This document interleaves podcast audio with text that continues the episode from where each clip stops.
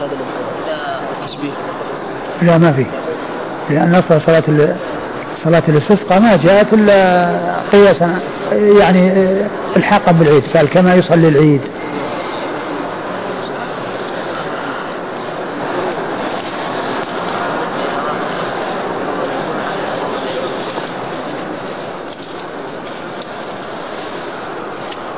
يعني انتهيتوا؟ أصبر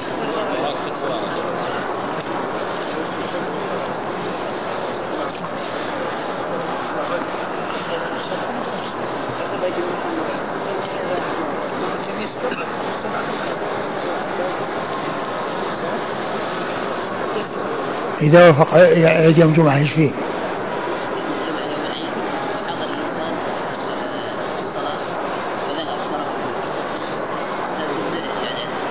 أصلا الخطبة يعني أيوة.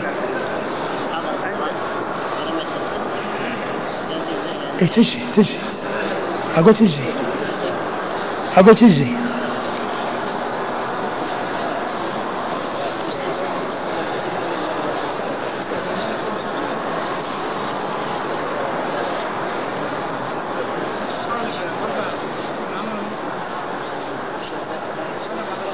إيش؟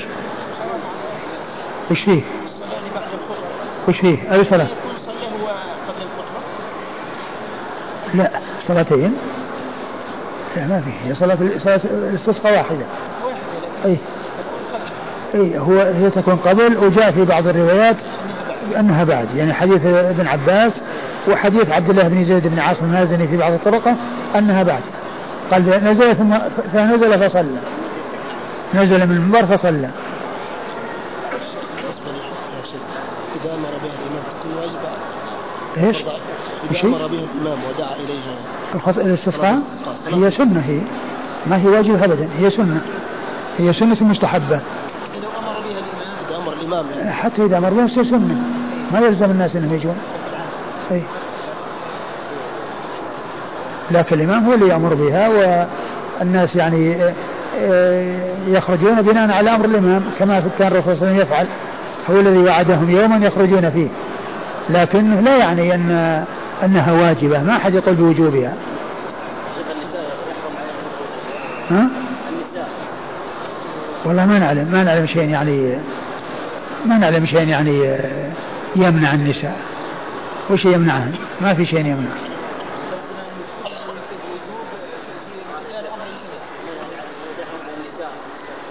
لا لا لا لا الإمام, إذا إذا الإمام يعني معناه أنه عين يوم يخرج الناس يخرجون فيه. لكن مو معناه يجب على الناس أصلا الرسول صلى الله عليه وسلم يعني وعدهم و ووعده إياهم يعني لا يدل على أنه يجب لو أن أحد تخلف هي أصلا مستحب سنة ما أحد يقول أنها واجبة. أصلا صلاة الاستسقاء واجب سنة وهي لا تكون إلا من الإمام. أقول الاستسقاء لا يكون إلا من الإمام هو الذي يعين الوقت. والعلماء يقولون سنة.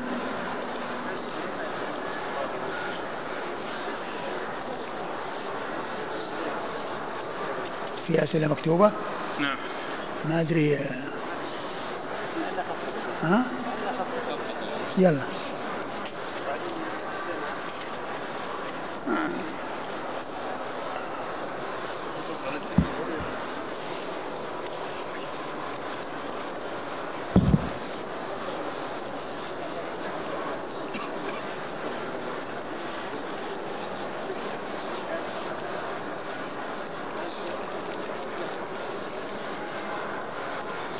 بسم الله الرحمن يقول السائل ما معنى قوله تعالى ولا جنبا إلا عابري سبيل وهل يجوز للحائض أن تعبر المسجد بلا جلوس بأن تدخل من باب وتخرج من, من الباب الآخر؟ نعم إذا كان أنه يؤمن التلويث إذا كان يؤمن التلويث يمكن. هذا معنى الآية؟ لا الآية في الجنب ما هي بالحائض. ما هي ملحقة بها. إي بس الآية في الجنب والسؤال عن الحائض الحائض لها أن تدخل آه، و و و ولا تجلس لكن إذا أمن أن يتساقط منها شيء. والجنب الجنب نعم الجنب الآية فيه اللي هو بهذا المعنى. إيه؟ عابري سبيل أي يعني. أي أي نعم. حديث خلع الصحابة رضي الله عنهم نعالهم لما خلع رسول الله صلى الله عليه وسلم في الصلاة. وكذا تحويلهم الرداء في صلاة الاستسقاء لما حول رسول الله صلى الله عليه وسلم رداءه. وكذا لما حلق يوم الحديبية حلقوا رؤوسهم. ولما واصل الصيام واصلوا. هل هذا يدل على أن فعل رسول الله صلى الله عليه وآله وسلم المجرد يدل على الوجوب والامتثال؟ الرسول صلى الله عليه وسلم يعني أفعاله الله تعالى يقول لقد كان لكم في رسول الله أسوة حسنة. وهو القدوة والأسوة ويعني أعماله هي تشريع لهم. وأما الأعمال الجبلية أعمال الجبلية التي يعني ليست للتشريع هذه كما هو معلوم يعني ليست يعني ليست من الأشياء التي الناس متعبدون بها. ولكن الأصل في في الأعمال التي هي يعني تشريع أقواله وأفعاله وتقريراته هي السنة السنة قوله وفعله وتقريره. لكن الشيء الذي هو من أعمال الجبلة يعني هذا ليس من قبيل التشريع. يعني مثل كون النبي صلى الله عليه وسلم يعني آه لما جاء من عرفة يعني حاد وراح يقضي حاجته يعني هذا ليس من السنة أن الإنسان يعني إذا جاء في الطريق وهو وليس عنده حاجة أنه يروح أو أنه يعني يحيد من أجل أنه يعني آه مثل ما فعل ابن عمر رضي الله عنه وأرضاه. أقول مثل هذا يعني ليس يعني من الأشياء التي يعني آه الاقتداء والاتباع. ما حكم الكلام بين خطبتي الجمعة؟ لا بأس به. أقول لا بأس به. ولكن السكوت وعدم الكلام لا شك أن أولى لكن إذا كان هناك حاجة لا بأس. لأن المنع والإمام يخطب. جاءت والإمام يخطب. وبين الجلستين بين الخطبتين ما في ما في خطبة. فللإنسان يتكلم. ما حكم وضع العدسات الطبية للنساء؟ إذا كان هناك في حاجة إليهن ويعني كونها يعني تقوي النظر وتعوض عن النظارة ولكن ما يترتب عليها ضرر العين لا بأس بها. وإذا كانت للتجميل؟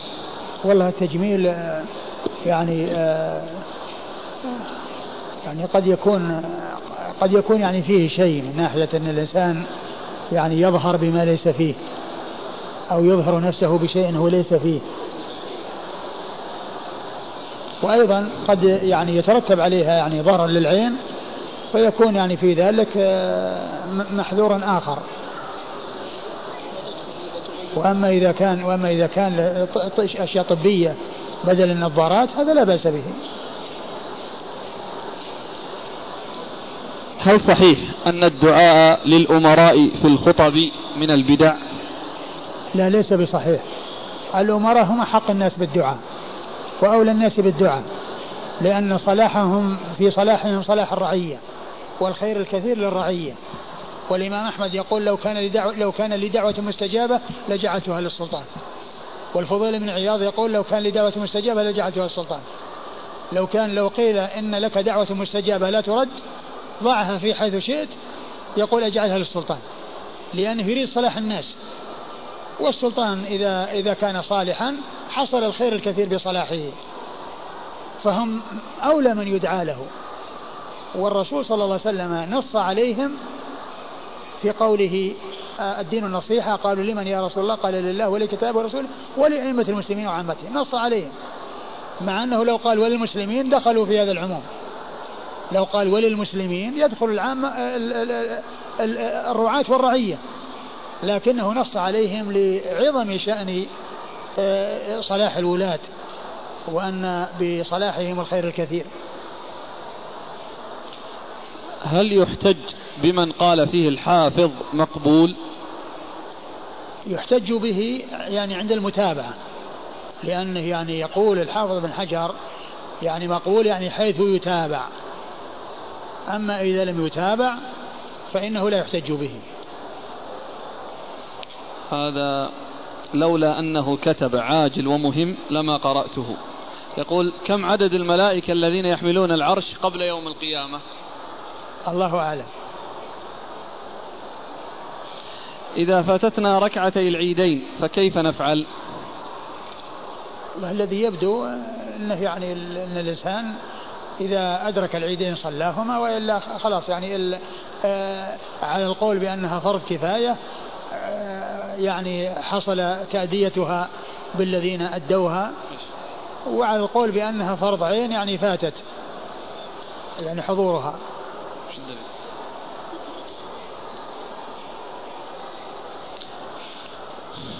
يقول هل يشرع للإمام إذا استقبل القبلة ودعا أن يدعو ويؤمن الناس على دعائه؟ لا لأن هو يدعو وهم يدعون. وإنما يدعو لما كان مستقبلا لهم وهو يخطب وهم يسمعون فيؤمنون على دعائه إذا دعا. وأما في حال استقباله القبلة فإنه يدعو وهم يدعون. هذا الأخ يقول ما حكم الاشتراك في الإنترنت؟ الاشتراك في الإنترنت يعني فيه خير وفيه شر. يعني فكون الإنسان يعني الإنسان الذي يكون فيه نفع للمسلمين ويعني آه، خدمة للإسلام والمسلمين يمكن على اعتبار أنه يعني مأمون جانبه هذا مثل كتب أهل البدع والكتب التي يعني فيها خير وشر. الإنسان ليس له ليس كل أحد آه، يمكنه أن آه، يستفيد منها وأن يخرج منها بفائدة.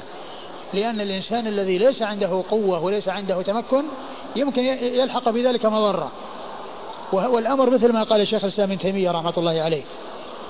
يقول أن الذي سلم في علم من علم الكلام اثنان. اثنان سلموا في علم الكلام. الإنسان الذي ما دخله أصلا والإنسان الذي دخله وكان متمكنا في علم الشريعة ثم تمكن في علم الكلام وبين فساده وما فيه من المشروع والإنسان الذي دخل فيه ولم يعني يكون متمكنا. فهذا هو نصف المتكلم. وقد قال يفسد, يفسد الدنيا أربعة. نصف, نصف متكلم ونصف فقيه ونصف نحوي ونصف طبيب. هؤلاء هم الذين يفسدون الدنيا.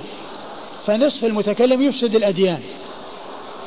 يعني يتكلم في العقيدة بغير علم بل بعلم الكلام.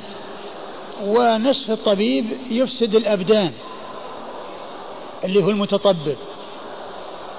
ونصف النحوي يفسد اللسان. ونصف الفقيه يفسد يفسد البلدان. يعني معناه أن الناس يعني آه، آه، يعبدون الله أو يعني يتعاملون معاملات ليست على هدى بل مبنية على جهل وعلى عدم علم.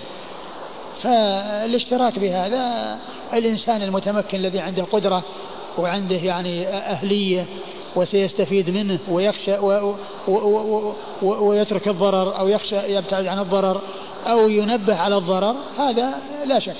وأما الإنسان الذي ما عنده يعني القدرة ولا عنده بعده وسلامة خير له. إذا وعد الإمام الناس للاستسقاء ونزل المطر.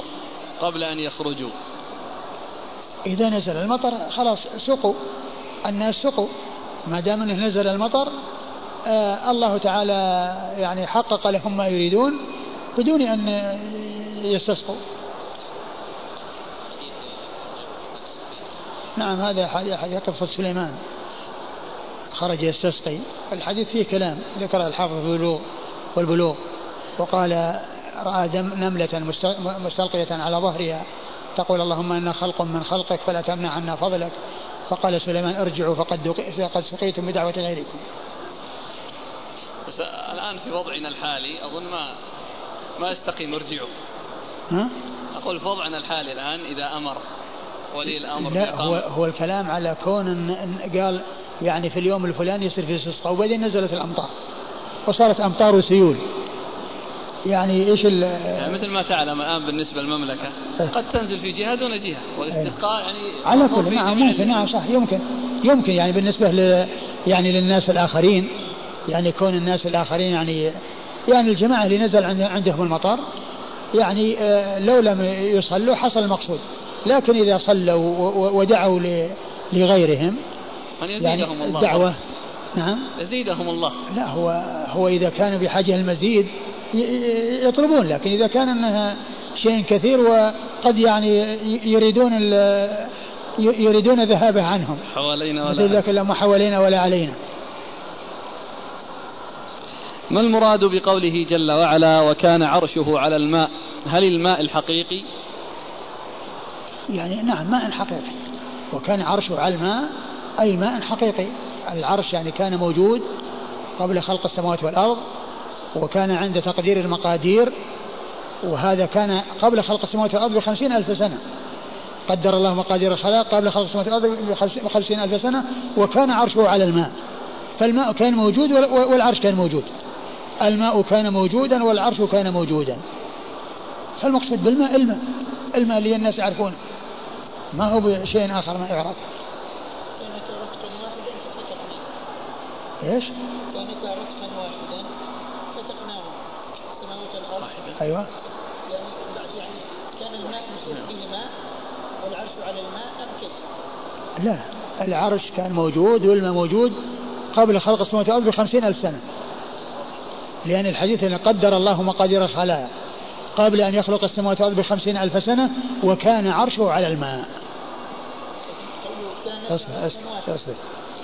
المرأة التي في العدة هل يجوز لها أن تسافر من بلد من البلد الذي تقيم فيه وتذهب إلى مدينة أخرى يقيم فيه فيها والدها وقرابتها؟ نعم إذا كان بقاءها يعني في البلد الذي مات فيه زوجها وهي ليس عندها أحد وتخشى على نفسها نعم لها أن تسافر وتعتد عند أهلها. يقول المصلي إذا كان حامل للطفل فبال عليه. ماذا يفعل؟ وهل صلاته باطلة؟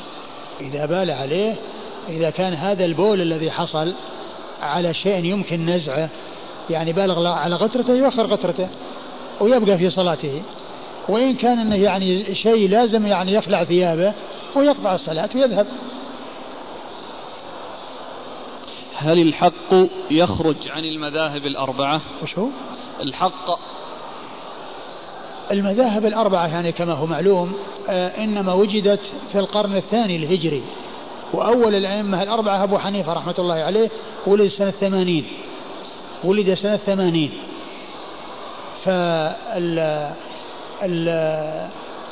القرن الأول كان الناس على أي شيء كانوا على ما كان على ما جاء عن رسول الله صلى الله عليه وسلم وعلى الأدلة وعلى اجتهادات العلماء. جزاكم الله خيرا وبارك الله فيكم ونفعنا الله بما قلت. ها؟ بس في توقيع. أي والله أحيانا التدليس يجوز. السؤال هذا الذي قيل هل الحق لا يخرج عن الأئمة عن المذاهب الأئمة الأربعة معلوم أن مذاهب الأئمة الأربعة يعني في غالب المسائل أو جل المسائل إلا ما ندر يعني متمشية مع الدليل. لكن قد يوجد يعني بعض المسائل التي يكون الأئمة الأربعة على خلاف على على خلاف قول دل عليه الدليل. وهذا مثل مثل مسألة الطلاق الثلاث واحدة جاء الطلاق الثلاث واحدة جاء في حديث صحيح مسلم على أنه كان في زمن الرسول صلى الله عليه وسلم وزمن أبي بكر وصدر من خلافة عمر كان طلاق الثلاث واحدة. والأئمة الأربعة على أنه يكون ثلاثا. والحديث جاء على أنه يكون واحدة. فهذه مسألة الدليل يعني فيها كما في صحيح مسلم. يعني على خلاف ما جاء عن الأئمة الأربعة. لكن غالب المسائل وأكثر المسائل وجل المسائل إلا ما ندر لا شك أن الدليل وأن الحق موجودا في هذه المذاهب إما فيها كلها أو في واحد منها أو في اثنين منها. يقول من المعلوم أن تكفير المعين لا بد فيه من شروط تتوفر في الشخص وموانع تنتفي عنه ويقوم بذلك أهل العلم. السؤال هل التفسيق يجري مجراه؟ بمعنى إذا رأيت شخصا عنده معاصي هل يصح لي أن أطلق عليه اسم فاسق؟ يعني الفسق يعني كما هو معلوم يعني يعني الكفر يتعلق بالاعتقاد وهذا يعني قد لا يتبين لكن الفسق يعني يكون ظاهرا قد يكون ظاهرا يعني كونه يعني معروف يعني يشاهده إنه يشوفه يزني أو يشوفه يعني يعمل الأعمال المحرمة فهذا هو الفسق. وإذا لم يقال يعني يقال لمثل هذا أنه فاسق كيف يعني كيف يعني كيف يطلق الفسق؟ على من يطلق الفسق؟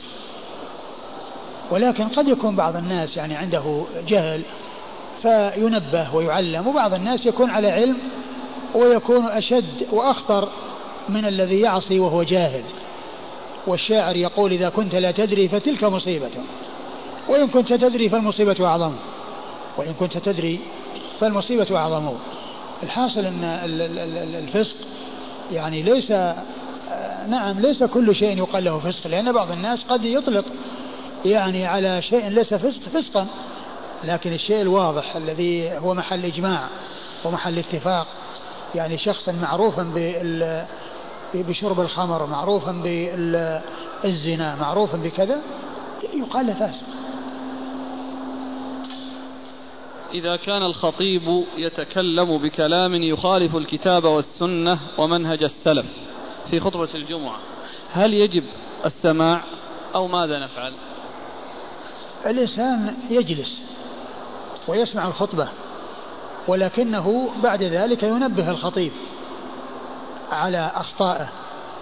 وإذا كان يعني هذا شأنه وهذا ديدنه هذا الخطيب أنه يعني كلامه يعني ليس على استقامة وليس على منهج صحيح فإذا كان آه، فيه مجال للتخلص منه بأن يرفع أمره إلى المسؤولين ويبدلونه يعني يستبدل يعني آه، يأتي من هو خير منه فهذا هو المطلوب. وإلا فالإنسان لا يحضر الصلاة عنده ولكن يبحث عن مسجد آخر يصلي فيه الجمعة ولا يصلي وراء ذلك الشخص الذي هو غير مستقيم وكلامه غير مستقيم وخطبه مشتملة على أمور منكرة. ماذا أفعل إذا جئت قبل نهاية صلاة الجنازة بتكبيرة؟ هل أقضيها كلها أم أسلم مع الإمام؟ وكيف صفة القضاء؟ إيش السؤال؟ إذا جئت صلاة الجنازة آخر تكبير. إذا كان أنك يعني جئت وهو قد كبر التكبيرة الثالثة فأنت ادخل معه وادعو للميت. لأن اشتغالك بقراءة الفاتحة والصلاة على النبي صلى الله عليه وسلم يفوت الدعاء والمقصود من صلاة الجنازة هو الدعاء. وإنما جعلت قراءة الفاتحة والصلاة على النبي صلى الله عليه وسلم بعدها تمهيد ووسيلة وهو من أسباب قبول الدعاء. كونه يسبق بحمد الله والصلاة على رسوله صلى الله عليه وسلم هذا من أسباب قبول الدعاء. كما جاء في الحديث الذي النبي صلى الله عليه وسلم رآه يدعو ولم يحمد الله ولم يصلي قال عجل هذا. فإذا كان إنه يعني ما في مجال إلا للدعاء فقط ولو اشتغل بالفاتحة والصلاه على النبي يعني فات الدعاء لا يأتي بالدعاء لأن هذا هو المقصود. المقصود من صلاة الجنازة الدعاء. وهذا وسيلة إليه ومن أسباب قبول الدعاء.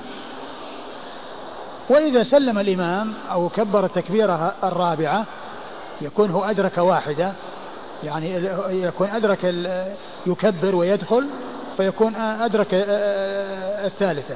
ثم يكبر معها الرابعة ثم بعد ذلك آه، بعدما يسلم الإمام يكبر تكبيرتين يعني متواليتين وإن دعا بينهما بقال اللهم اغفر له لأن الجنازة ترفع. ما في مجال لأن الإنسان يقف يدعو. يكبر التكبيرات الباقية ويسلم. وهذا داخل تحت عموم قوله صلى الله عليه وسلم ما أدركتم فصلوا وما فاتكم فأتموا. هل الدعاء في الاستسقاء جهرا أم سرا؟ دعاء الإمام يعني الدعاء الذي في الخطبة طبعا كما هو معلوم واضح يعني الخطيب يدعو وهم يؤمنون. وأما الدعاء الذي يعني يكون بعد تحويل الرداء فكل يدعو سرا والله تعالى أعلم وصلى الله وسلم وبارك على عبده ورسوله نبينا محمد وعلى آله وأصحابه أجمعين.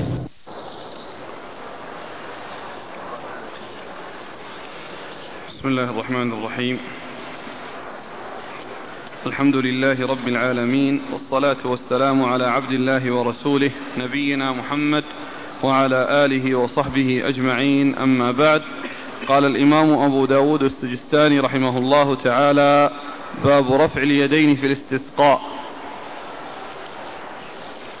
قال حدثنا محمد بن سلم المرادي قال أخبرنا ابن وهب عن حيوة عن حيوة وعم وعمر بن مالك عن ابن الهاد عن محمد بن إبراهيم عن عمير مولى بني آب اللحم. رضي الله عنهما أنه رأى النبي صلى الله عليه وآله وسلم يستقي عند أحجار الزيت قريبا من الزوراء قائما يدعو يستسقي رافعا يديه قبل وجهه لا يجاوز بهما رأسه.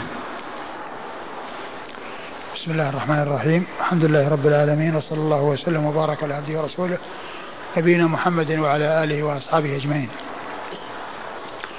أما بعد يقول الإمام أبو داود السجستاني رحمه الله باب رفع اليدين في الدعاء. في الاستسقاء. باب رفع اليدين في الدعاء في الاستسقاء. باب رفع اليدين في الاستسقاء. باب رفع اليدين في الاستسقاء. يعني في الدعاء عندما يدعو في الاستسقاء فإنه يرفع يديه. والترجمة معقودة لبيان أن رفع اليدين في الاستسقاء ثابت عن رسول الله صلى الله عليه وسلم وهو أحد المواضع التي ورد فيها رفع اليدين لأن رفع اليدين ثبت في مواضع عديدة منها الرفع في الاستسقاء. وقد أورد أبو داود رحمة الله عليه حديث آه، حديث عمير مولى بني آب اللحم أن الرسول صلى الله عليه وسلم أو أنه رأى النبي صلى الله عليه وسلم عند أحجار الزيت يعني يستسقي رافعا يديه. رأى رسول الله صلى الله عليه وسلم نعم. عند أحجار الزيت. يستسقي عند أحجار الزيت قريبا من الزوراء. يستسقي عند أحجار الزيت قريبا من الزوراء رافعا يديه. نعم. قائما يدعو يستسقي رافعا يديه قبل وجهه. قائما يستسقي رافعا يديه قبل وجهه لا يجاوز بهما لا يجاوز بهما رأسه. فهذا فيه يعني الدليل على ما ترجم له المصنف من حصول رفع اليدين في الاستسقاء وأن النبي صلى الله عليه وسلم كان يرفع يديه في الاستسقاء وأنه يرفعهما يعني قبل وجهه لا يجاوز بهما رأسه وهذا فيه المبالغة في رفع اليدين وقد جاء في بعض الروايات أنه حتى يرى بياض إبطيه صلى الله عليه وسلم يعني من شدة رفعه ليديه في الدعاء. صلوات الله وسلامه وبركاته عليه. فهو واضح الدلالة على ما ترجم له المصنف وهو ثبوت رفع اليدين في الدعاء في الاستسقاء. وقوله عند أحجار الزيت هو يعني مكان يعني في الحرة آه، فيه حجارة سوداء كأنها يعني طليت بالزيت يعني لشدة سوادها يعني من شدة من شدة السواد. نعم. قبل وجهه. يعني قبل وجهه يعني يعني أنها قبل وجهه يعني ما جاوز بهما رأسه. يعني معناه أنها قبل وجهه يعني أنها يعني آه محاذية لوجهه أو مقابلة لوجه مقابلة لوجهه لا يجاوز بهما رأسه يعني معناه أنه لا يرفعها فوق رأسه. قريبا من الزوراء هي التي جعل عندها عثمان الأذان ما أدري.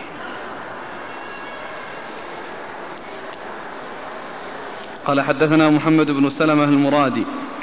محمد بن سلمة المرادي المصري ثقة أخرج حديثه مسلم وأبو داود والنسائي وابن ماجه. عن ابن وهب. عن ابن وهب عبد الله بن وهب المصري ثقة فقيه أخرج له أصحاب الكتب الستة. عن حيوة. عن حيوة بن شريح المصري وهو ثقة أخرج له. أصحاب الكتب. وهو ثقة أخرج له أصحاب الكتب الستة. وحيوة بن شريح اثنان أحدهما مصري وهو في طبقة متقدمة يروي عنه ابن وهب. وحيوة بن شريح الحمصي وهذا من شيوخ أبي داود في طبقة متأخرة في طبقة متأخرة في شيوخ أبي داود. نعم. وعمر بن مالك. وعمر بن مالك وهو صدوق. لا بأس به. وهو لا بأس به وهي بمعنى صدوق عند الحافظ بن حجر. أخرج له مسلم وأبو داود والنسائي. أخرج له مسلم وأبو داود والنسائي. عن ابن الهاد. عن ابن الهاد وهو عبد الله بن يزيد. عبد الله بن يزيد ابن الهاد وهو ثقة أخرج له أصحاب الكتب الستة. يزيد بن الهاد. ها؟ يزيد بن عبد الله. يزيد بن عبد الله. يزيد بن عبد الله يزيد بن عبد الله بن الهاد. يزيد بن عبد الله بن الهاد. ثقة أخرج له أصحاب الكتب الستة. عن محمد بن إبراهيم. عن محمد بن إبراهيم التيمي. محمد بن إبراهيم بن الحارث التيمي وهو ثقة أخرج له أصحاب الكتب الستة. عن عمير مولى بني آب اللحم. عن عمير ملا مولى بني آب اللحم وهو صحابي أخرج له مسلم وأصحاب السنن. نعم. أخرج له مسلم وأصحاب السنن. قوله ملا مولى بني آب اللحم آب اللحم آه هو اسم لصحابي. هو عبد الله بن عبد الملك. اختلف اسمه. أي نعم اختلف قيل باسمه. قيل عبد الله بن عبد الملك قيل عبد الله بن مالك هو يقال له آب اللحم. آب اللحم لقبه آب اللحم. وقيل أنه سمي آب اللحم لأنه كان لا يأكل اللحم. وقيل إنه لا يأكل ما ذبح على النصب. فما أنه كان لا يأكل ما ذبح على النصب. فقيل له آب اللحم. والذي يروي الحديث هنا آه، عمير مولى أبي اللحم وكذلك أيضا يرويه أبي اللحم يعني فهو من رواية هذا ومن رواية هذا نعم. قال حدثنا ابن أبي خلف قال حدثنا محمد بن عبيد قال حدثنا مسعر عن يزيد الفقير عن جابر بن عبد الله رضي الله عنه أنه قال أتيت النبي صلى الله عليه وآله وسلم ببواكي قال أتت النبي. أتت النبي صلى الله عليه وسلم بواكي فقال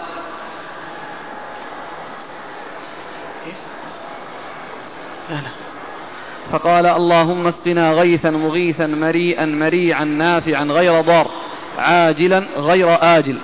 قال فأطبقت عليهم السماء. ثم ورد أبو داود حديث جابر. جابر بن عبد الله الأنصاري رضي الله تعالى عنهما قال أتت النبي صلى الله عليه وسلم بواكي. قيل المقصود بالبواكي يعني نساء يعني باكيات يعني من الضيق ومن الشدة. من الضيق ومن الشدة. فاستسقى رسول الله صلى الله عليه وسلم. وقال اللهم اسقنا غيثا مغيثا آه، مريئا مريئا مريئا مريعا. نعم. مريئا مريعا نافعا غير ضار عاجلا غير آجل. نعم. أيوه. انتهى. قال فأطبقت عليهم السماء. قال فأطبقت عليهم السماء. أطبقت عليهم السماء يعني آه نزل المطر يعني مطرا كثيرا غزيرا. ف آه، أجاب الله دعاء نبيه عليه الصلاة والسلام فحصل نزول المطر بغزارة وبكثرة. والحديث ليس فيه دليل على رفع اليدين في الدعاء لأن ما فيه شيء يدل على رفع اليدين. لكن جاء في بعض الروايات بدل أتت النبي صلى الله عليه وسلم بواكي قال رأيت النبي صلى الله عليه وسلم يواكي. رأيت النبي صلى الله عليه وسلم يواكي. قيل والمواكاة هي كونه يعني يعتمد على يديه يعني في آه، الدعاء وفي رفعها وفي آه، آه، الابتهال إلى الله عز وجل في الدعاء. فهذا يطابق الترجمة يعني على هذه الرواية. أنه رأيت النبي صلى الله عليه وسلم يواكي وفسرت المواكاة بأنها رفع الاعتماد على اليدين في الرفع كونه يعني معتمدا عليهما يعني آه، آه، يدعو وقد رفعهما ومدهما. يسأل الله عز وجل الغيث وأن يغيث الناس. وعلى رواية الرواية التي في النسخة التي بين أيدينا أتت النبي صلى الله عليه وسلم بواكي يعني نساء يعني تبكي من شدة الفقر والحاجة وقلة المطر وحصول القحط فالنبي صلى الله عليه وسلم استسقى وسأل الله عز وجل فأغاث الله الناس. نعم. اللهم اسقنا غيثا. اللهم اسقنا غيثا يعني هو المطر. غيثا مغيثا يعني آه، قيل معناه معينا يعني نستعين آه، يحصلون به العون ويحصلون به الفائدة.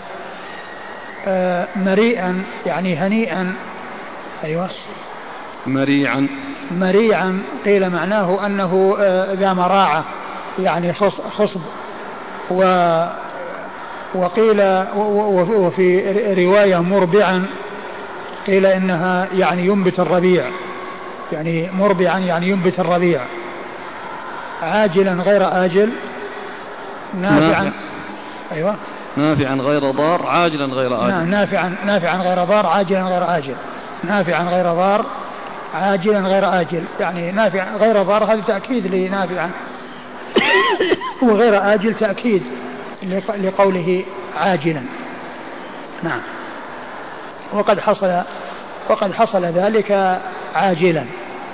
فقد أطبقت عليهم السماء كما جاء في الحديث. ونزل المطر بغزارة وتحقق ما طلبه رسول الله صلى الله عليه وسلم من نزول الغيث. نعم. على قول أتت النبي صلى الله عليه وسلم يواكي. رأيته مش أتيته. آه. رأيته. رأيت إذا جاءت إذا رواية واكي آه. فيها رأيت طيب إذا هذا مختصر أو أنه دعاء بلا بلا بلا صلاة؟ ما أدري. لأنه فقال. ما أدري لأنه يعني يمكن يمكن هذا اختصار. أقول يمكن أنه اختصار. ما يحصل. ويمكن أنه يعني في الجمعة. يعني إذا كان في الجمعة ما يحتاج إلى صلاة استسقاء. قال حدثنا ابن أبي خلف. ابن أبي خلف محمد بن أحمد ابن أبي خلف وهو ثقة. نعم. أخرج له أبو داود. مسلم وأبو داود. أخرجه مسلم وأبو داود. عن محمد بن عبيد. محمد بن عبيد هو الطنافسي. محمد بن عبيد الطنافسي وهو ثقة ثقة. نعم خرج أصحاب الكتب. ثقة إيش؟ يعني معها شيء.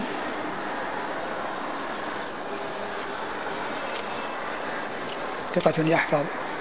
وكذا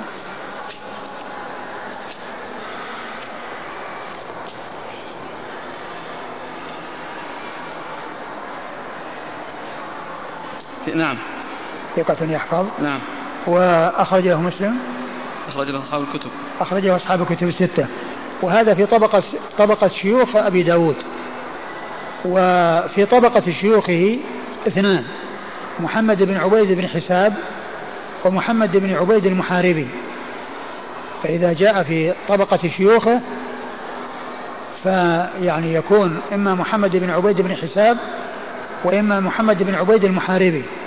وإذا جاء في طبقة شيوخ شيوخه كما هنا فالمراد به الطنافسي. نعم. سبقا ذكرتم ما ادري إن أحببتم تعيدوه إن الحافظ ذكر أن هذا الرجل نعم ذكر أنه من الطبقة من الحادي عشر.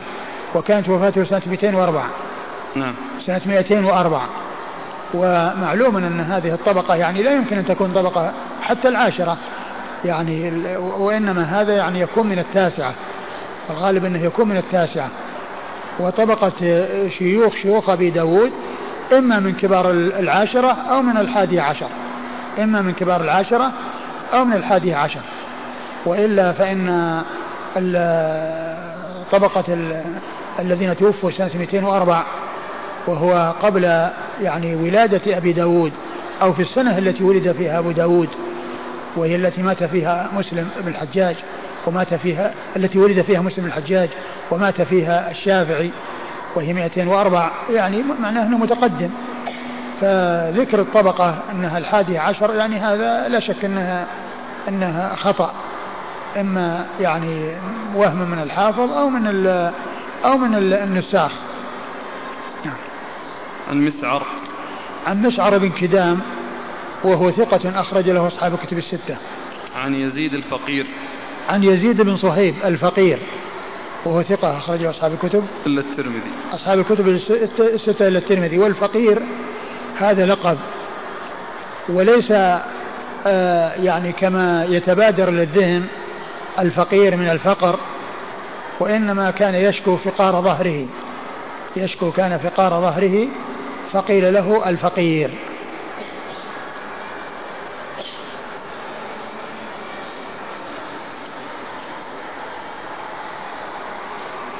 عن جابر بن عبد الله. عن جابر بن عبد الله الأنصاري رضي الله تعالى عنهما صحابي بن صحابي وهو أحد السبعة المعروفين بكثرة الحديث عن النبي صلى الله عليه وسلم؟ في بعض النسخ بواد بواد. بوا إيه. بوادي إيه. بوادي بوا بوادي. يعني دال أي بوادي. وفي بعضها هوازل. هوازل. يعني من الهزل. نعم. هذه تراها في عون المعبود. هذه نسخة؟ إيه؟ بوادي. بواد وفي. نسخة أخرى بواكن. بواكن. بواكن. مم. نعم.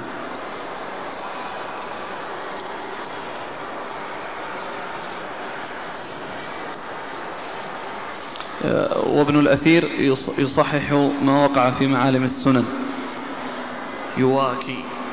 بواكي. ياء بالياء يواكي, يواكي يواكي. يقول يقول ابن الأثير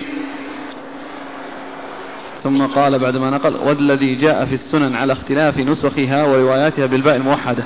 والصحيح ما ذكره الخطابي. أي نعم يواكي مم. وهو الذي يطابق الترجمة. نعم في رواية البيهقي. هي التي أتت هوازل ها؟ في رواية هوازل البي- إيه، في رواية إيه، البيهقي. نعم.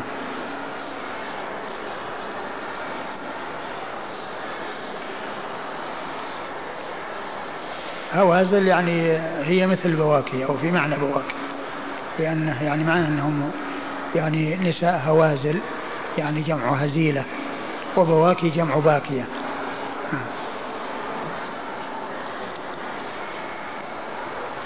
قال حدثنا نصر آه، هنا أحسن الله إليك آه، كلام للخطابي.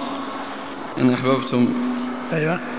يقول ثبت الاستسقاء بما ذكر أبو داود في الأخبار المتقدمة وإنما وجهه وتأويله أنه كان بإزاء صلاة يريد أن يصليها فدعا في أثناء خطبته بالسقيا فاجتمعت له الصلاة والخطبة فجزت عن استئناف الصلاة والخطبة. كما يطوف الرجل فيصادف الصلاة المفروضة عند فراغه من الطواف فيصليها فينوب عن ركعتي الطواف. وكما يقرأ السجدة في آخر الركعة فينوب الركوع عن السجود أي بس هنا الذي ذكره قال إنه إيش؟ قال إنه كان إيش؟ بصدد إيش أن يصلي؟ إيه. قال وإنما وجهه وجه هذا الحديث وتأويله أنه كان بإزاء صلاة. يريد أن يصليها فدعا في أثناء خطبته بالسقيا. خطبته يعني معناه في خطبة. بس ما هي بظاهر صلاة الاستسقاء؟ لا يمكن جمعة. إيه. أي نعم. فاجتمعت جمعة- له. الصلاة جمعة. جمعة ما فيها إشكال لأنه جاء حديث صحيحة فيها في الصحيحين. ل- ل- لأنه هلك ال- انقطع السبل و انقطعت السبل فادعوا الله أن يغيثنا فدعا. هذا يعني إذا كان مثله يعني ما في إشكال. وما ذكر عن ركعتي الطواف هل هذا لا صحيح؟ هذا تمثيل نعم لكن الحكم الفقهي صحيح. الإنسان لو طاف وصلى فريضة. تغني عن ركعتي لا الطواف شك طبعا. و... وكذلك تحية المسجد. الإنسان إذا جاء ويعني آه، صلى الفريضة تغني عن تحية المسجد. لأنه لأنه آه، لا يجلس إلا وقد صلى وقد صلى.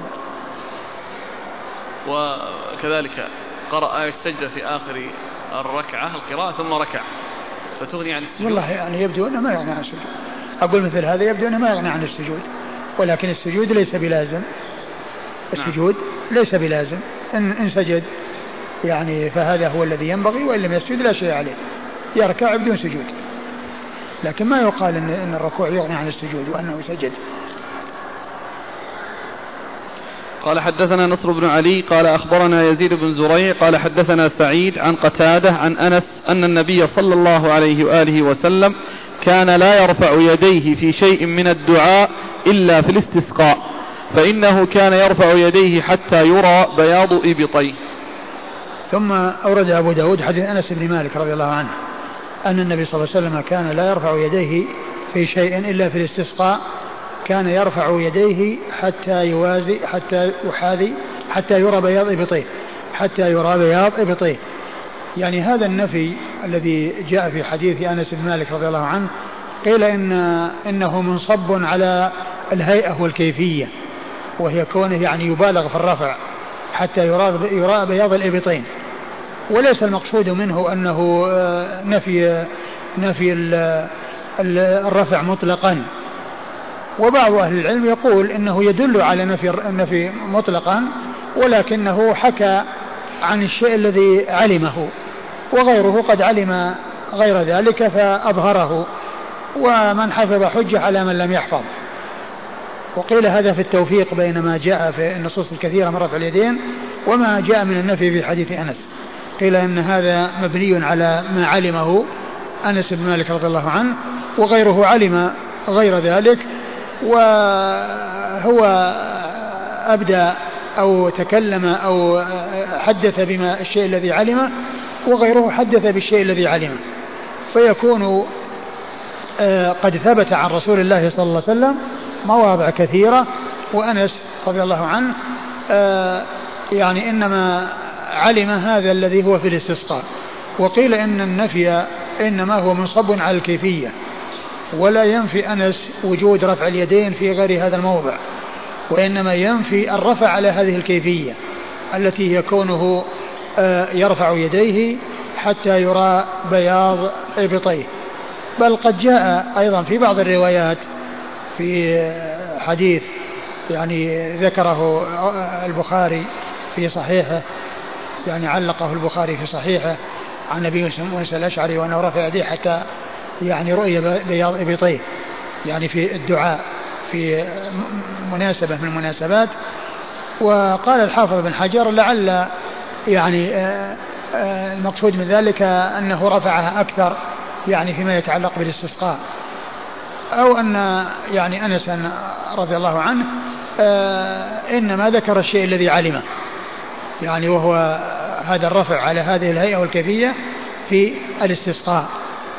وعلى هذا فإن الحديث لا يدل على نفي رفع اليدين في المواضع الأخرى التي هي غير الاستسقاء وإنما يدل على نفي المبالغة أو الهيئة والكيفية التي هي كون بطون اليدين من جهة الأرض بخلاف الدعاء آه، رفع اليدين في الدعاء في المواضع الأخرى فإن اليدين يعني من جهة السماء وليست بطونها إلى الأرض وظهورها إلى السماء فإن هذا إنما ورد في الاستسقاء وهو إما أن يكون بالنسبة للمبالغة في الرفع أو أن المقصود به الهيئة التي يكون اليدين آه، بطونها إلى الأرض أو أن أنس رضي الله عنه إنما نفى يعني على حسب علمه وغيره علم ما لم يعلمه يعني وهي المواضع المتعددة.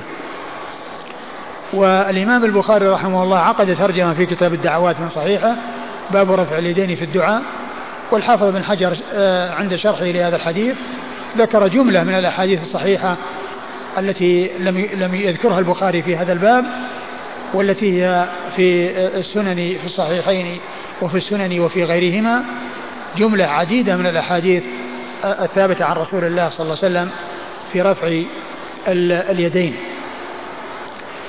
وكذلك أيضا النووي رحمه الله قال إنه جمع أحاديث كثيرة يعني تبلغ ثلاثين فيها رفع اليدين وأوردها في كتابه المجموع في آخر صفة في آخر صفة الصلاة.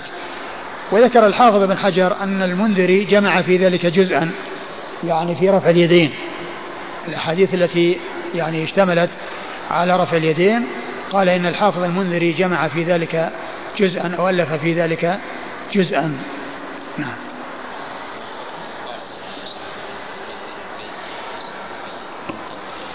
نعم تنطبق يعني على اعتبار أنه على ما قال في الآخر على ما ذكره في الآخر أنه يعني كون رفع يديه حتى آه، آه، رؤي رؤي بياض إبطيه وأنه لعله يقصد هذه الهيئة لا أنه يقصد نفي آه، أصل الدعاء أنه يعني أصل الدعاء ومجرد الدعاء وإنما ينفي هذه الكيفية وهذه الهيئة.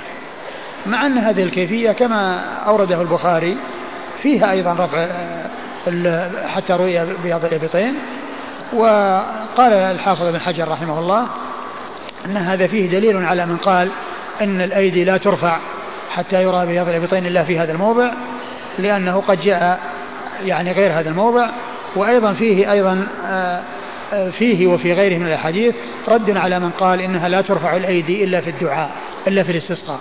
لا ترفع الأيدي إلا في الاستسقاء كما جاء في حديث أنس هذا. نعم. قال حدثنا نصر بن علي نصر بن علي ابن نصر بن علي الجهضمي وهو ثقة أخرج له أصحاب كتب الستة. عن يزيد بن زريع. عن يزيد بن زريع البصري ثقة أخرج له أصحاب كتب الستة. عن سعيد. عن سعيد بن أبي عروبة وهو ثقة أخرج له أصحاب كتب الستة. عن قتادة. عن قتادة من دعامة السدوسي البصري ثقة أخرج له أصحاب كتب الستة. عن أنس. عن أنس بن مالك رضي الله عنه خادم رسول الله صلى الله عليه وسلم وأحد السبعة المعروفين بكثرة الحديث عن النبي صلى الله عليه وسلم. قال حدثنا الحسن بن محمد الزعفراني قال حدثنا ورفع اليدين في الدعاء له ثلاث حالات. رفع اليدين في الدعاء له ثلاث حالات. حالة يعني ورد فيها رفع اليدين. الحالات التي ورع في ورد فيها رفع اليدين ترفع الأيدي فيها اقتداء برسول الله صلى الله عليه وسلم. والحالة الثانية المواضع التي لم يرد فيها رفع اليدين مثل خطبة الجمعة كما جاء في حديث عمارة بن رويبة يعني في كلامه على الأمير الذي كان يرفع يديه في الدعاء وقد سبق أن مر بنا الحديث وأنه ما كان يزيد على أن يشير بإصبعه السبابة يعني في حال خطبته وما كان يرفع يديه. فهذا لا ترفع فيه الأيدي. وكذلك بعد الصلوات المفروضة لأن النبي صلى الله عليه وسلم هو الذي يصلي بالناس إماما الصلوات كلها ولم يؤثر عنه صلى الله عليه وسلم أنه رفع يديه يعني بعد الصلوات يدعو. آه ما عدا هذا وهذا الذي هو مطلق فهذا الأمر فيه واسع. إن رفع له ذلك وإن لم يرفع فله ذلك.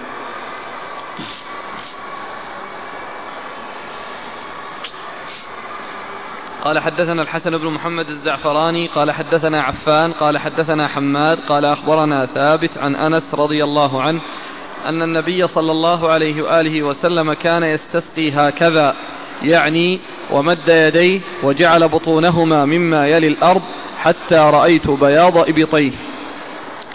ثم أورد أبو داود حديث أنس بن مالك رضي الله عنه أن النبي صلى الله عليه وسلم كان يستسقي ويرفع يديه ويجعل بطونهما مما يلي الأرض حتى رأيت بياض إبطيه.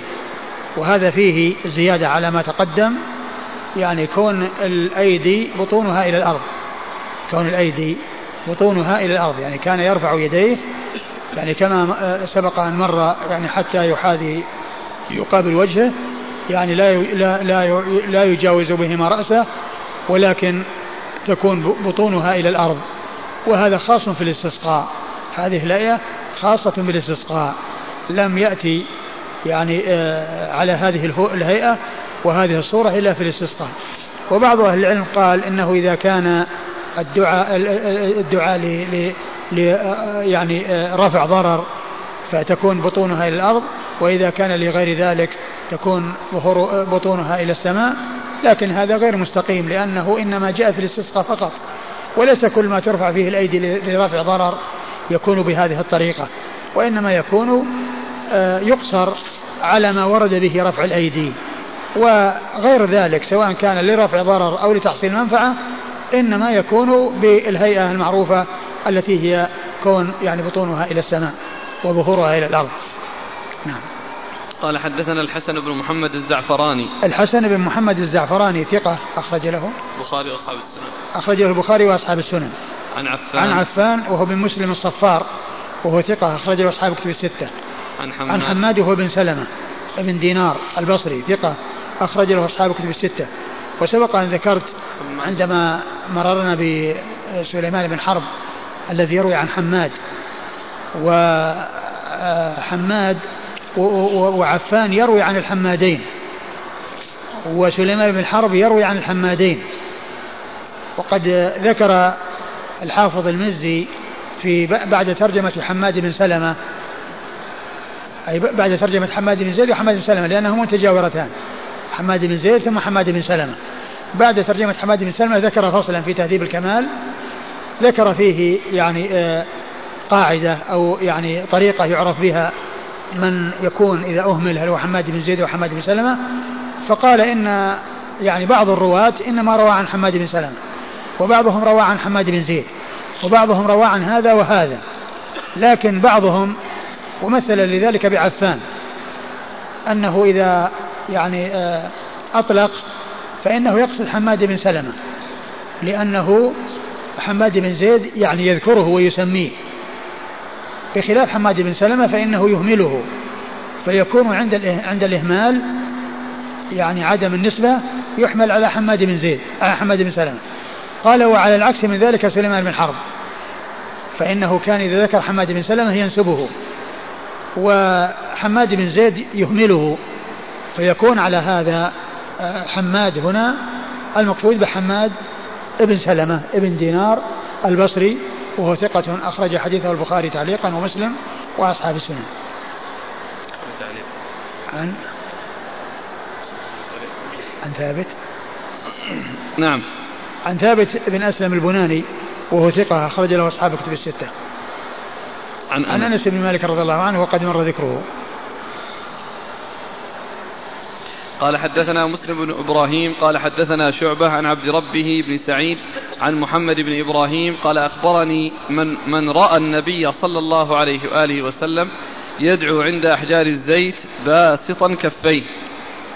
ثم ورد أبو داود حديث من رأى النبي صلى الله عليه وسلم عن محمد بن إبراهيم التيمي عن من رأى النبي صلى الله عليه وسلم يدعو عند أحجار الزيت. وهو هو الذي سبق أن مر الذي هو آه، آه، عمير آه، عمير مولى بني أبي اللحم.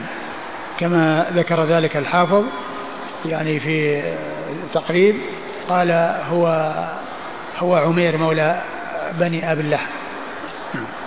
قال حدثنا مسلم بن إبراهيم. مسلم بن إبراهيم الفراهيدي ثقة أخرج حديثه أصحاب كتب الستة. عن شعبة. عن شعبة بن الحجاج الواسطي ثم البصري. ثقة أخرج له أصحاب الكتب الستة. عن عبد ربه بن سعيد. عن عبد ربه بن سعيد بن بن سعيد الأنصاري وهو أخو يحيى بن سعيد المشهور يحيى بن سعيد الأنصاري المدني آه، وهو ثقة أخرج له أصحاب الكتب الستة. عن محمد بن إبراهيم عمن عن محمد بن إبراهيم التيمي مر ذكره.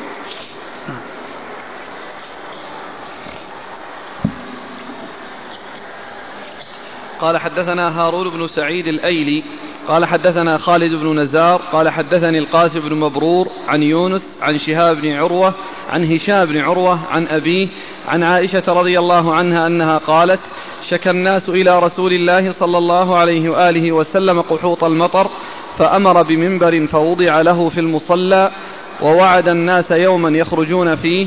قالت عائشة فخرج رسول الله صلى الله عليه وآله وسلم حين بدا حاجب الشمس فقعد على المنبر فكبر صلى الله عليه وآله وسلم وحمد الله عز وجل ثم قال إنكم شكوتم جدب دياركم واستئخار المطر عن إبان زمانه عنكم وقد أمركم الله عز وجل أن تدعوه ووعدكم أن يستجيب لكم. ثم قال الحمد لله رب العالمين الرحمن الرحيم ملك يوم الدين لا إله إلا الله يفعل ما يريد اللهم أنت الله لا إله إلا أنت الغني ونحن الفقراء أنزل علينا الغيث واجعل ما أنزلت لنا قوة وبلاغا إلى حين ثم رفع يديه فلم يزل في الرفع حتى بدا بياض إبطيه ثم حول إلى الناس ظهره وقلب أو حول رداءه وهو رافع يديه ثم أقبل على الناس ونزل فصلى ركعتين فأنشأ الله سحابة فرعدت وبرقت ثم أمطرت بإذن الله فلم يأت مسجده حتى سالت السيول فلما رأى سرعتهم إلى الكن سرعتهم. فلما رأى سرعته سرعتهم.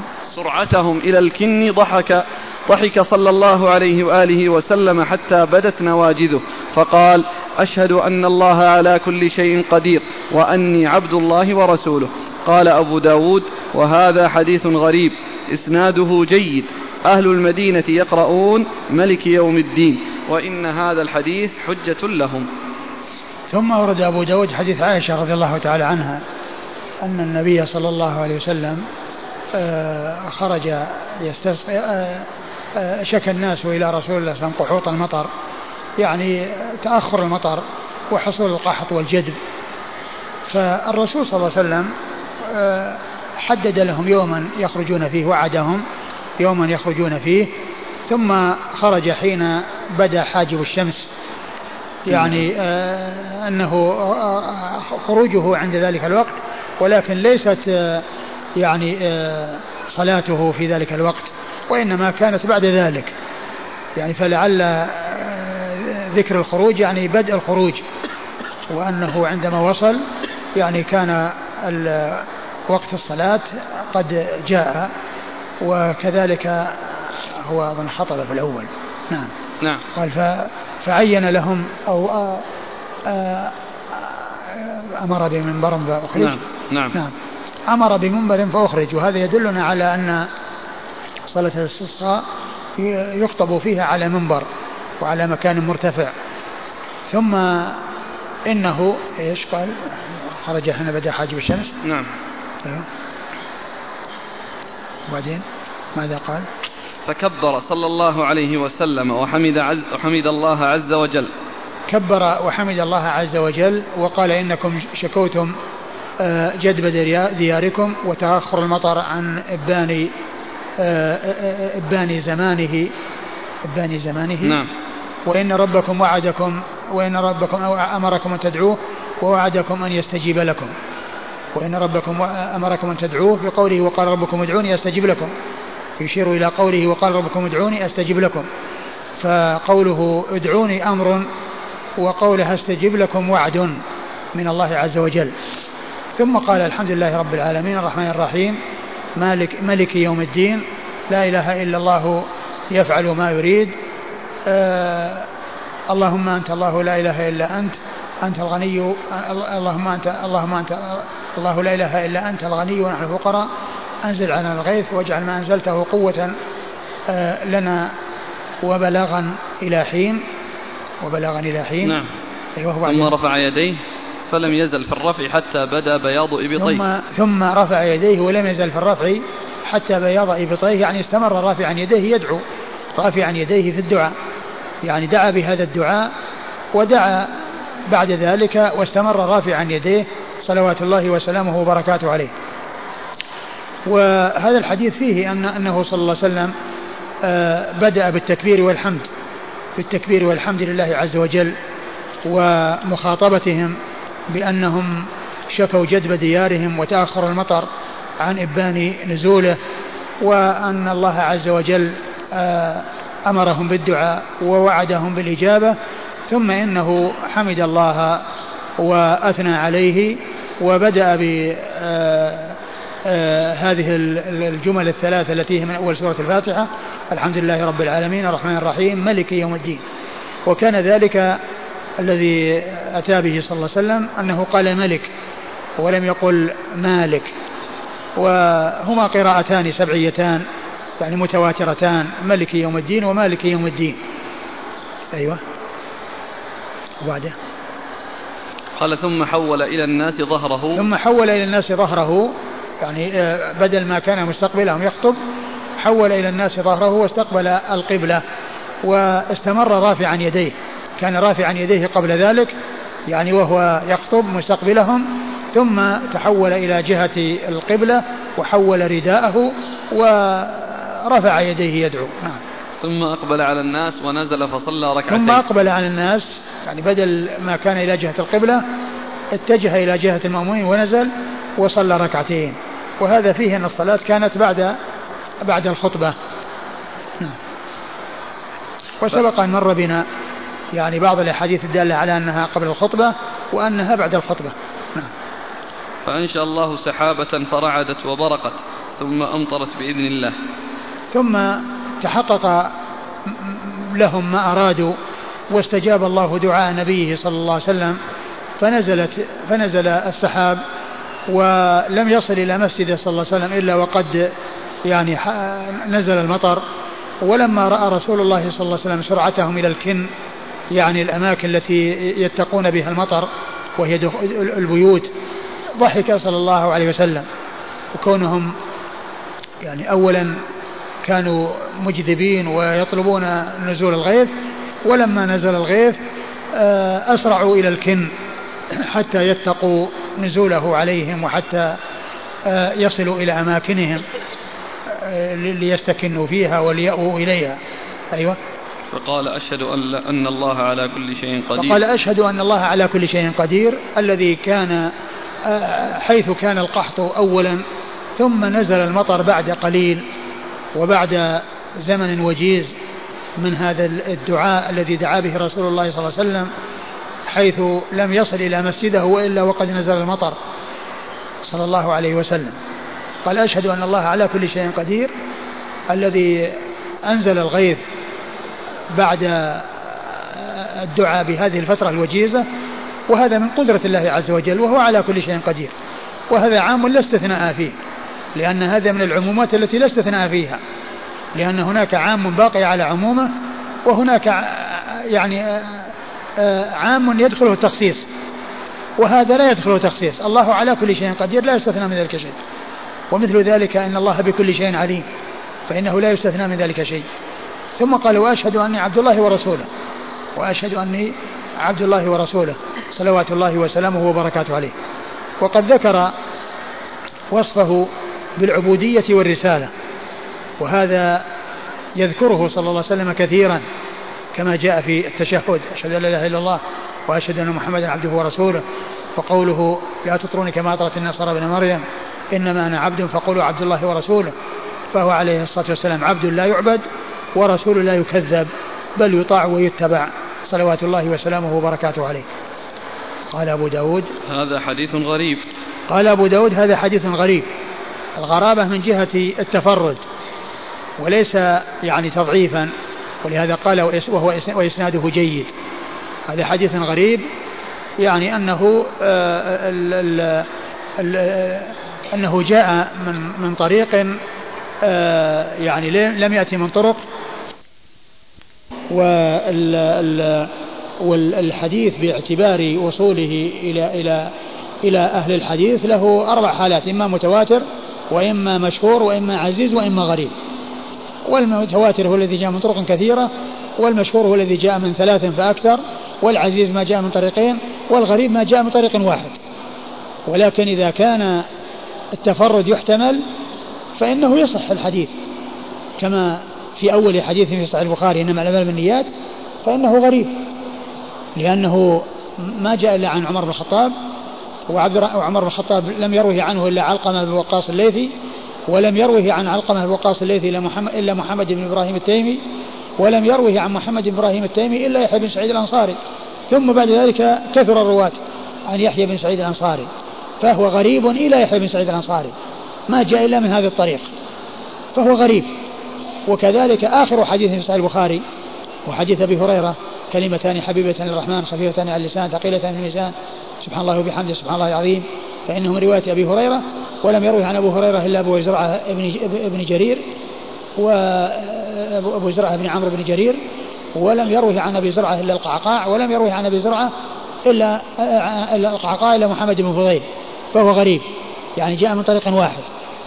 وال والحافظ بن حجر لما جاء عند حديث آه، ابن عمر آه، أمرت أن أقاتل الناس حتى يشهدوا لا إله إلا الله وأن محمد رسول الله قال وهذا من غرائب الصحيح وقد وقد خلا منه مسند الإمام أحمد على سعته وقد خلا منه مسند الإمام أحمد أحمد على سعته يعني أنه من هذه الطريق لم يأتي في مسند الإمام أحمد الذي هو من حديث عبد الله بن عمر. وهو من المتفق عليه الذي هو حديث ابن عمر أمرت أن أقاتل الناس حتى يشهدوا لا قال هو من غرائب الصحيح يعني ما, ما جاء من طريق واحد في الصحيح. نعم. إسناده جيد. إسناده جيد يعني معناه أنها أنه يعني حجة وأنه معتبر وأنه آه، معول عليه. استخدام العلماء يعني هذا اللفظ وتركهم للصحيح أو الحسن. حديث جيد يعني هكذا. حديث نعم مقبول. إسناده جيد. حديث قوي إسناده جيد. يعني آه، طبعا هو من الألفاظ التي آه، آه، هي تصحيح وتوثيق وكون الحديث يكون مقبولا أو الإسناد يعني يكون محتجا به. أهل المدينة يقرؤون ملك يوم الدين وإن هذا الحديث حجة لهم. قال أبو داود أهل المدينة يقرؤون ملك يوم الدين وهذا الحديث حجة لهم. يعني هذا مما يدل على هذه القراءة. لكن القراءة متواترة لأن قراءة مالك يوم الدين وملك يوم الدين كلها قراءات سبعية. نعم. قال حدثنا هارون بن سعيد الأيلي هارون بن سعيد الأيلي ثقة أخرج له. مسلم وأبو داود والنسائي بن ماجه. مسلم وأبو داود والنسائي بن ماجه. عن خالد بن نزار. عن خالد بن نزار وهو صدوق يخطئ أخرجه أبو داود والنسائي. صدوق يخطئ أخرج حديثه أبو داود والنسائي. عن القاسم بن مبرور. عن القاسم بن مبرور وهو ثقة أخرجه أبو داود والنسائي. صدوق. صدوق أخرجه أبو داود والنسائي. عن يونس. عن يونس وهو بن يزيد الأيلي وهو ثقة أخرجه أصحاب كتب الستة. عن هشام بن عروة. عن هشام بن عروة ابن الزبير وهو ثقة أخرجه أصحاب كتب الستة. عن أبيه. عن أبيه عروة بن الزبير بن العوام ثقة فقيه أحد فقهاء المدينة السبعة في عصر التابعين وحديث أخرجه أصحاب كتب الستة. عن عائشة أم المؤمنين رضي الله عنها وأرضاها الصديقة بنت الصديق وهي واحدة من سبعة أشخاص عرفوا بكثرة الحديث عن النبي صلى الله عليه وسلم. واجعل ما أنزلت لنا قوة وبلاغا إلى حين. واجعل ما أنزلت قوة يعني قوة لنا. يعني كما هو معلوم ال ال ال يعني حصول المطر وحصول الغيث يعني يحصل لهم قوة ويحصل لهم نشاط ويحصل لهم آه، تمتع. وبلاغا إلى حين يعني آه، شيء يتبلغون به يتبلغون به إلى حين.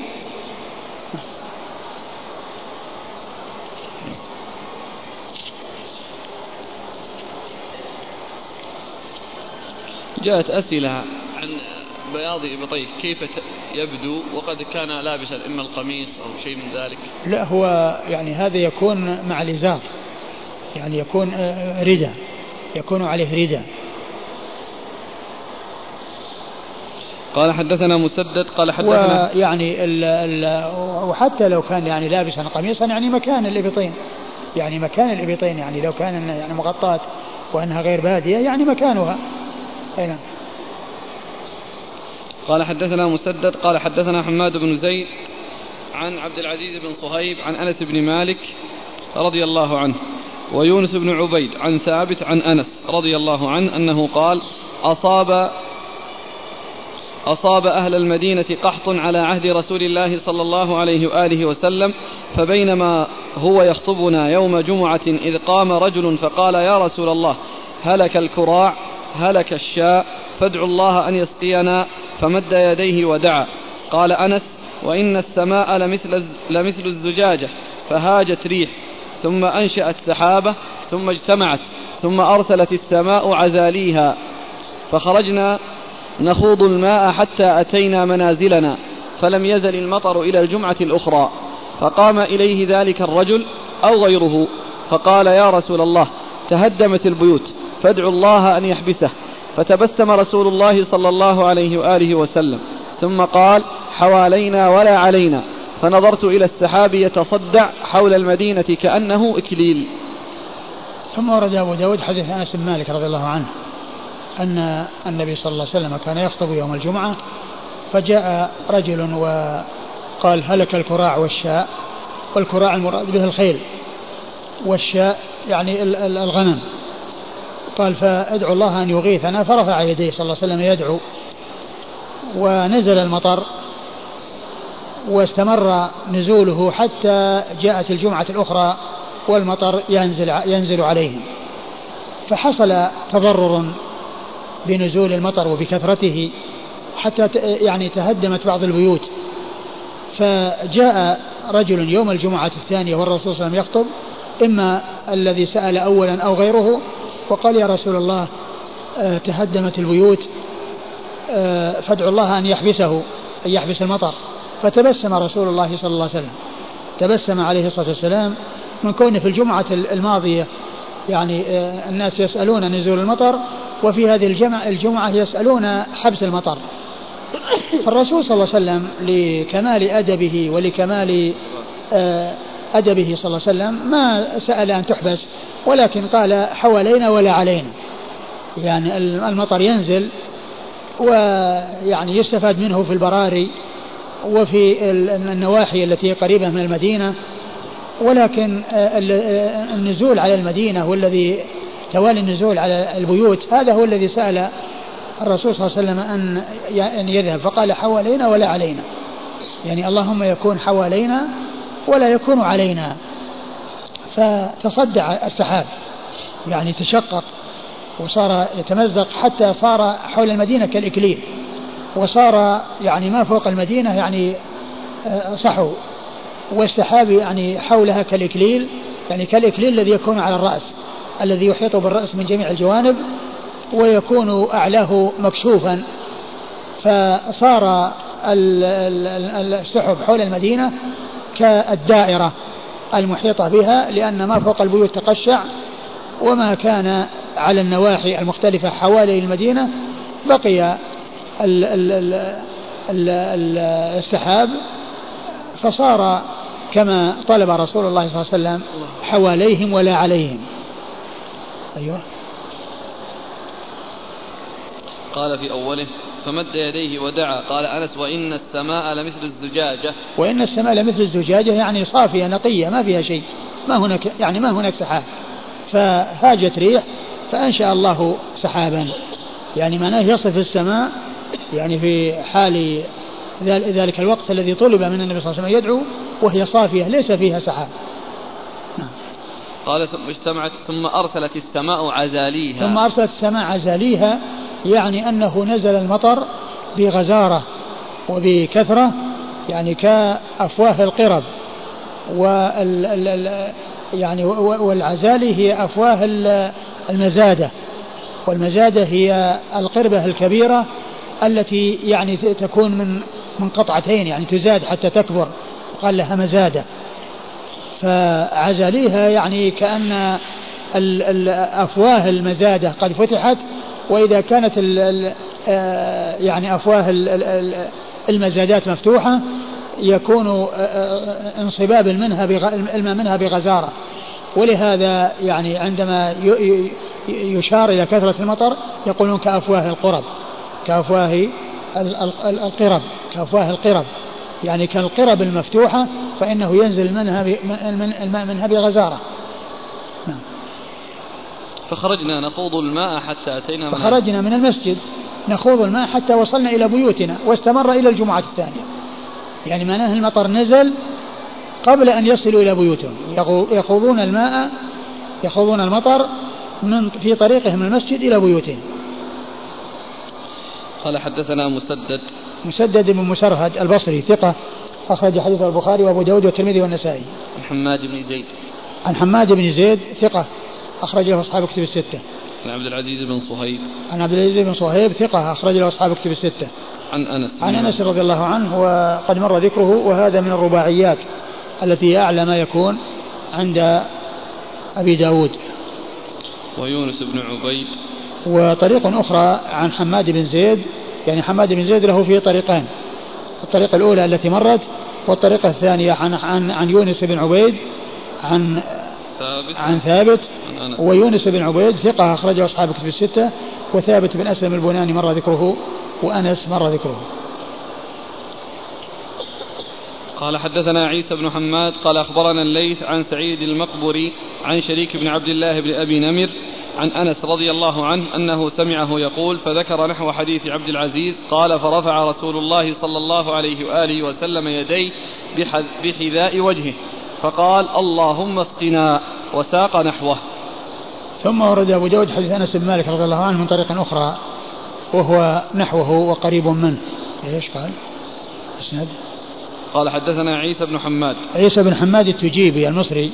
ثقة أخرج حديثه مسلم. نعم وأبو داود والنسائي بن ماجه. مسلم وأبو داود والنسائي بن ماجه. عن الليث. عن الليث بن سعد المصري ثقة فقيه أخرج له أصحاب الكتب الستة. عن سعيد المقبري. عن سعيد بن أبي سعيد المقبري وهو ثقة أخرج له أصحاب الكتب الستة. عن شريك بن عبد الله بن عن أبي شريك بن عبد الله بن أبي نمر وهو صدوق. صدوق يخطئ صد- صدوق يخطئ أخرج له البخاري. نعم ومسلم وأبو البخاري داود ومسلم وأبو داود والترمذي في الشمائل والنسائي وابن ماجه. يعني أخرج له أصحاب الكتب الستة إلا الترمذي فإنه أخرج له في الشمائل. وشريك بن عبد الله بن أبي نمر هذا هو الذي آه، روى حديث الإسراء الطويل والذي أورده البخاري في صحيحه وكان فيه أغلاط وأخطاء يعني ذكروها ذكرها ابن كثير في تفسيره وذكره ذكرها الحافظ بن حجر في شرحه للحديث في كتاب التوحيد من طريق شريك بن عبد الله بن أبي نمر. في اغلاط متعددة يعني ذكروها وهي من الأشياء التي لا جواب عنها يعني في صحيح البخاري. لا جواب عنها لأن أكثر ال- الانتقادات التي انتقدت على البخاري عنها جواب وبعضها وهو القليل لا جواب عنه.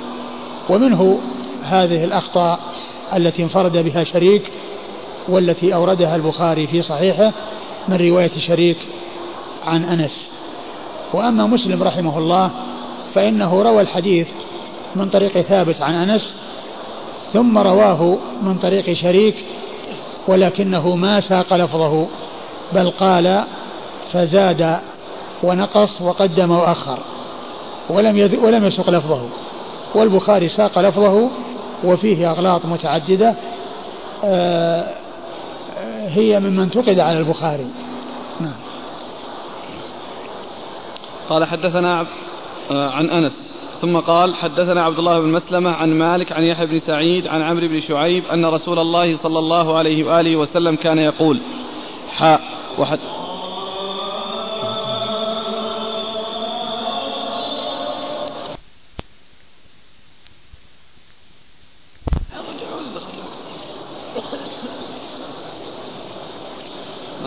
سؤال سؤال شوي غريب. هذا بسم الله الرحيم. كتب يا شيخ. يعرض على الشيخ للضرورة. أيوه. والله يقول بعض الطلاب بارك الله فيهم يتكلمون أثناء الدرس فيشغلوننا عن سماع حديث النبي صلى الله عليه وسلم. فماذا يقول شيخنا حفظه الله مع العلم أنهم قد نبهوا ولكنهم لم يتركوا هذا الأمر؟ أرجو ألا يكون ذلك صحيحا. آه، كما هو معلوم ال- ال- الانشغال عن الدرس الحضور والانشغال عن الدرس يعني يكون وجوده مثل عدم الحضور. وإنما الحضور مع الانتباه ومع ال- ال- المتابعة هذا هو الذي يحصل الإنسان. وإذا كان أن الأمر يعني يتعلق ب يعني سؤالا عن شيء هذا يمكن أن يؤخر إلى ما بعد انتهاء الدرس. يعني إذا كان أن الكلام من أجل استثبات أو من أجل يعني ال- التحقق من فائدة يمكن الإنسان يؤجلها إلى ما بعد الدرس. وإن كان الاشتغال الكلام في أمر آخر خارج عن الدرس هذا يعني لا يليق ولا ينبغي. وكون الإنسان آه، يحضر ويستمع ويمكن غيره من الاستماع لا شك أن هذا خير له ولغيره. وكونه يعني ينشغل يضر نفسه ويتسبب في إضرار غيره.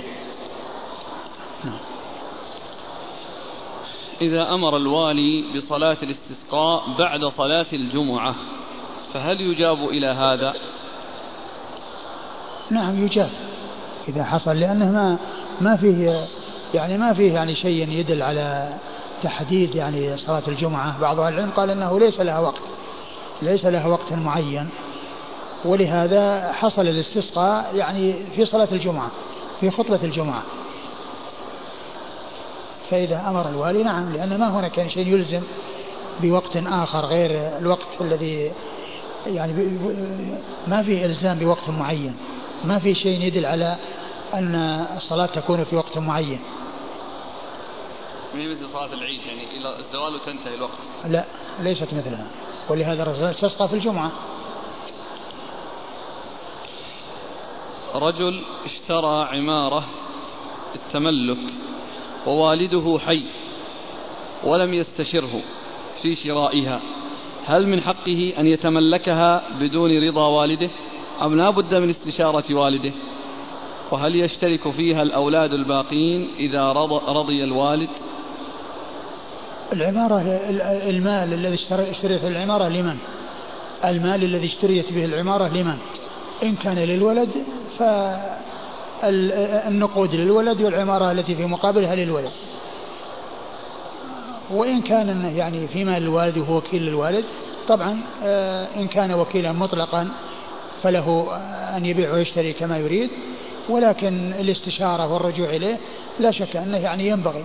وكذلك أيضا حتى لو كان النقود له كونه يستشيره من أجل يعني تطيب خاطره ومن أجل يعني لا بأس بذلك. وأما من حيث الحق والملك فإذا كان اشتراها بنقوده وماله الخاص طبعا هو ماله. وإخوانه الآخرون الآخرون يعني إذا كان ماله آه، المال يخصه فإنهم لا يشتركون إلا إذا تبرع لهم أو أشركهم أو تنازل عن شيء من حقه لهم. عند ذلك يمكن أن يشتركوهم أو يشترك غيرهم. أما والمال ماله والنقود نقوده واشتراها بنقوده فهي ملكه. وإن منح غيره أو تنازل عن شيء منها لغيره فله ذلك لأن له أن يعطي من ماله ما يشاء. ما حكم مس المصحف والقراءة فيه بغير طهارة؟ لا يجوز ذلك لأنه جاء عن النبي صلى الله عليه وسلم أنه قال لا يمس القرآن إلا طاهر ويقول آه، وكذلك قول الله عز وجل آه، إنه لقرآن كريم في كتاب مكنون لا يمسه المطهرون هو في السماء. ولكن قال شيخ الإسلام ابن تيمية كما نقله عنه القيم في كتابه التبيان في أقسام في أقسام القرآن أن القرآن كما أنه في السماء لا يمسه المطهرون فكذلك في الأرض يعني ينبغي ان لا يمسه إلا المطهرون يعني من طريق القياس والإلحاق. لكن قد جاء في حديث كتاب عمرو بن حزم وأن لا يمس القرآن إلا طاهر. فلا يجوز مس الإنسان لا يجوز للإنسان أن يمس القرآن مباشرة إلا والإنسان طاهرا. أما إذا مسه مع حائل لا بأس بذلك كان يعني يكون معه قلم أو أو عود أو يعني في يده شراب أو ما إلى ذلك لا بأس بذلك. يقول نحن عندنا لكثرة التبرج والسفور بعض الأزواج لا يسمحون لأزواجهم لبس الحجاب حتى ولو أرادت الزوجة أن تفعل ذلك. والسؤال أن أختي تريد أن تلبس الحجاب وزوجها يمنعها من ذلك وقد يؤدي إصرارها إلى الطلاق فماذا تفعل؟ علما بأنها أنجبت منه تسعة أولاد. طاعة الله مقدمة على طاعة المخلوقين. طاعة الله مقدمة على طاعة المخلوقين. وهي إذا التزمت طاعة الله ورسوله صلى الله عليه وسلم فإن ذلك يكون من أسباب تحصيل الخير لها وتحصيل السعادة ولا سيما وجود الأولاد يعني هذا العدد وإنما هي تريد طاعة وتريد شيئا في تقرب إلى الله عز وجل وشيء فيه بعد عن المحذور وعن الأمور التي لا تنبغي. فلعل ذلك يكون من أسباب الإبقاء عليها والحرص عليها لا أن يكون سببا في طلاقها لكن هذا من من حيل الشيطان ومن الوساوس التي يأتي بها الشيطان هو كون الإنسان يخوف ولا شك أن هذا من من جسمه قال الله, عز وجل إنما ذلك الشيطان يخوف أولياءه. إذا تبين لنا خطأ شخص ما وأقمنا عليه الحجة وناقشناه وبينا له الحق فلم يقبل ذلك وأصر على موقفه فهجرناه. فهل لنا أن نخبر غيرنا لكي يهجره؟ آه الهجر يعني ما يصلح إلا إذا ترتب عليه مصلحة وفائدة أما إذا لم يترتب عليه فائدة ولم عليه مصلحة فلا يصلح. ثم أيضا ما ما كل ما كل يعني يحصل منه إقامة الحجة. قد قد يكون بعض الناس يعني عنده شيء من الجهل. والله تعالى أعلم وصلى الله وسلم وبارك على عبده ورسوله نبينا محمد وعلى آله وأصحابه أجمعين. بسم بسم الله الرحمن الرحيم. الحمد لله رب العالمين والصلاة والسلام على عبد الله ورسوله نبينا محمد وعلى آله وصحبه أجمعين. أما بعد قال الإمام أبو داود السجستاني رحمه الله تحت رحمه الله تعالى تحت باب رفع اليدين في الاستسقاء. قال حدثنا عبد الله بن مسلمة عن مالك عن يحيى بن سعيد عن عبد بن شعيب أن رسول الله صلى الله عليه وآله وسلم كان يقول قال حاء وحدثنا سهل بن صالح قال حدثنا علي بن قادم قال أخبرنا سفيان عن يحيى بن سعيد عن عمرو بن شعيب عن أبيه عن جده رضي الله عنه أنه قال كان رسول الله صلى الله عليه وآله وسلم إذا استسقى قال اللهم اسق عبادك وبهائمك وانشر رحمتك وأحيي بلدك الميت. هذا لفظ حديث مالك. بسم الله الرحمن الرحيم. الحمد لله رب العالمين. وصلى الله وسلم وبارك على عبده ورسوله نبينا محمد وعلى آله وأصحابه أجمعين. أما بعد فقد سبق في الدرس الماضي البدء بهذه الترجمة وهي رفع اليدين في الدعاء في الاستسقاء ومر مرت الأحاديث الكثيرة في ذلك الدالة على أنها ترفع الأيدي في صلاة في في خط في خط في, في, الاستسقاء في خطبة الاستسقاء وكذلك في الدعاء عندما يتحول إلى القبلة ويدعو وكذلك المأمومون يحولون أرديتهم كما يحول الإمام ويدعون مستقبل القبلة رافعي أيديهم وكذلك تكون الأيدي بطونها إلى الأرض ويبالغ في رفعها حتى تكون في مقابل الوجه. كل ذلك جاءت به السنة عن رسول الله صلى الله عليه وسلم وقد مرت بنا الأحاديث في الدرس الماضي. وبقي هذا الحديث عن عمرو بن شعيب عن أبيه عن جده عبد الله بن عمرو بن العاص رضي الله تعالى عنهما أن النبي صلى الله عليه وسلم كان إذا استسقى قال اللهم اللهم اللهم اللهم اسق عبادك وبهائمك وانشر رحمتك وأحيي بلدك الميت. اللهم اسق عبادك وبهائمك وانشر رحمتك وأحيي بلدك الميت.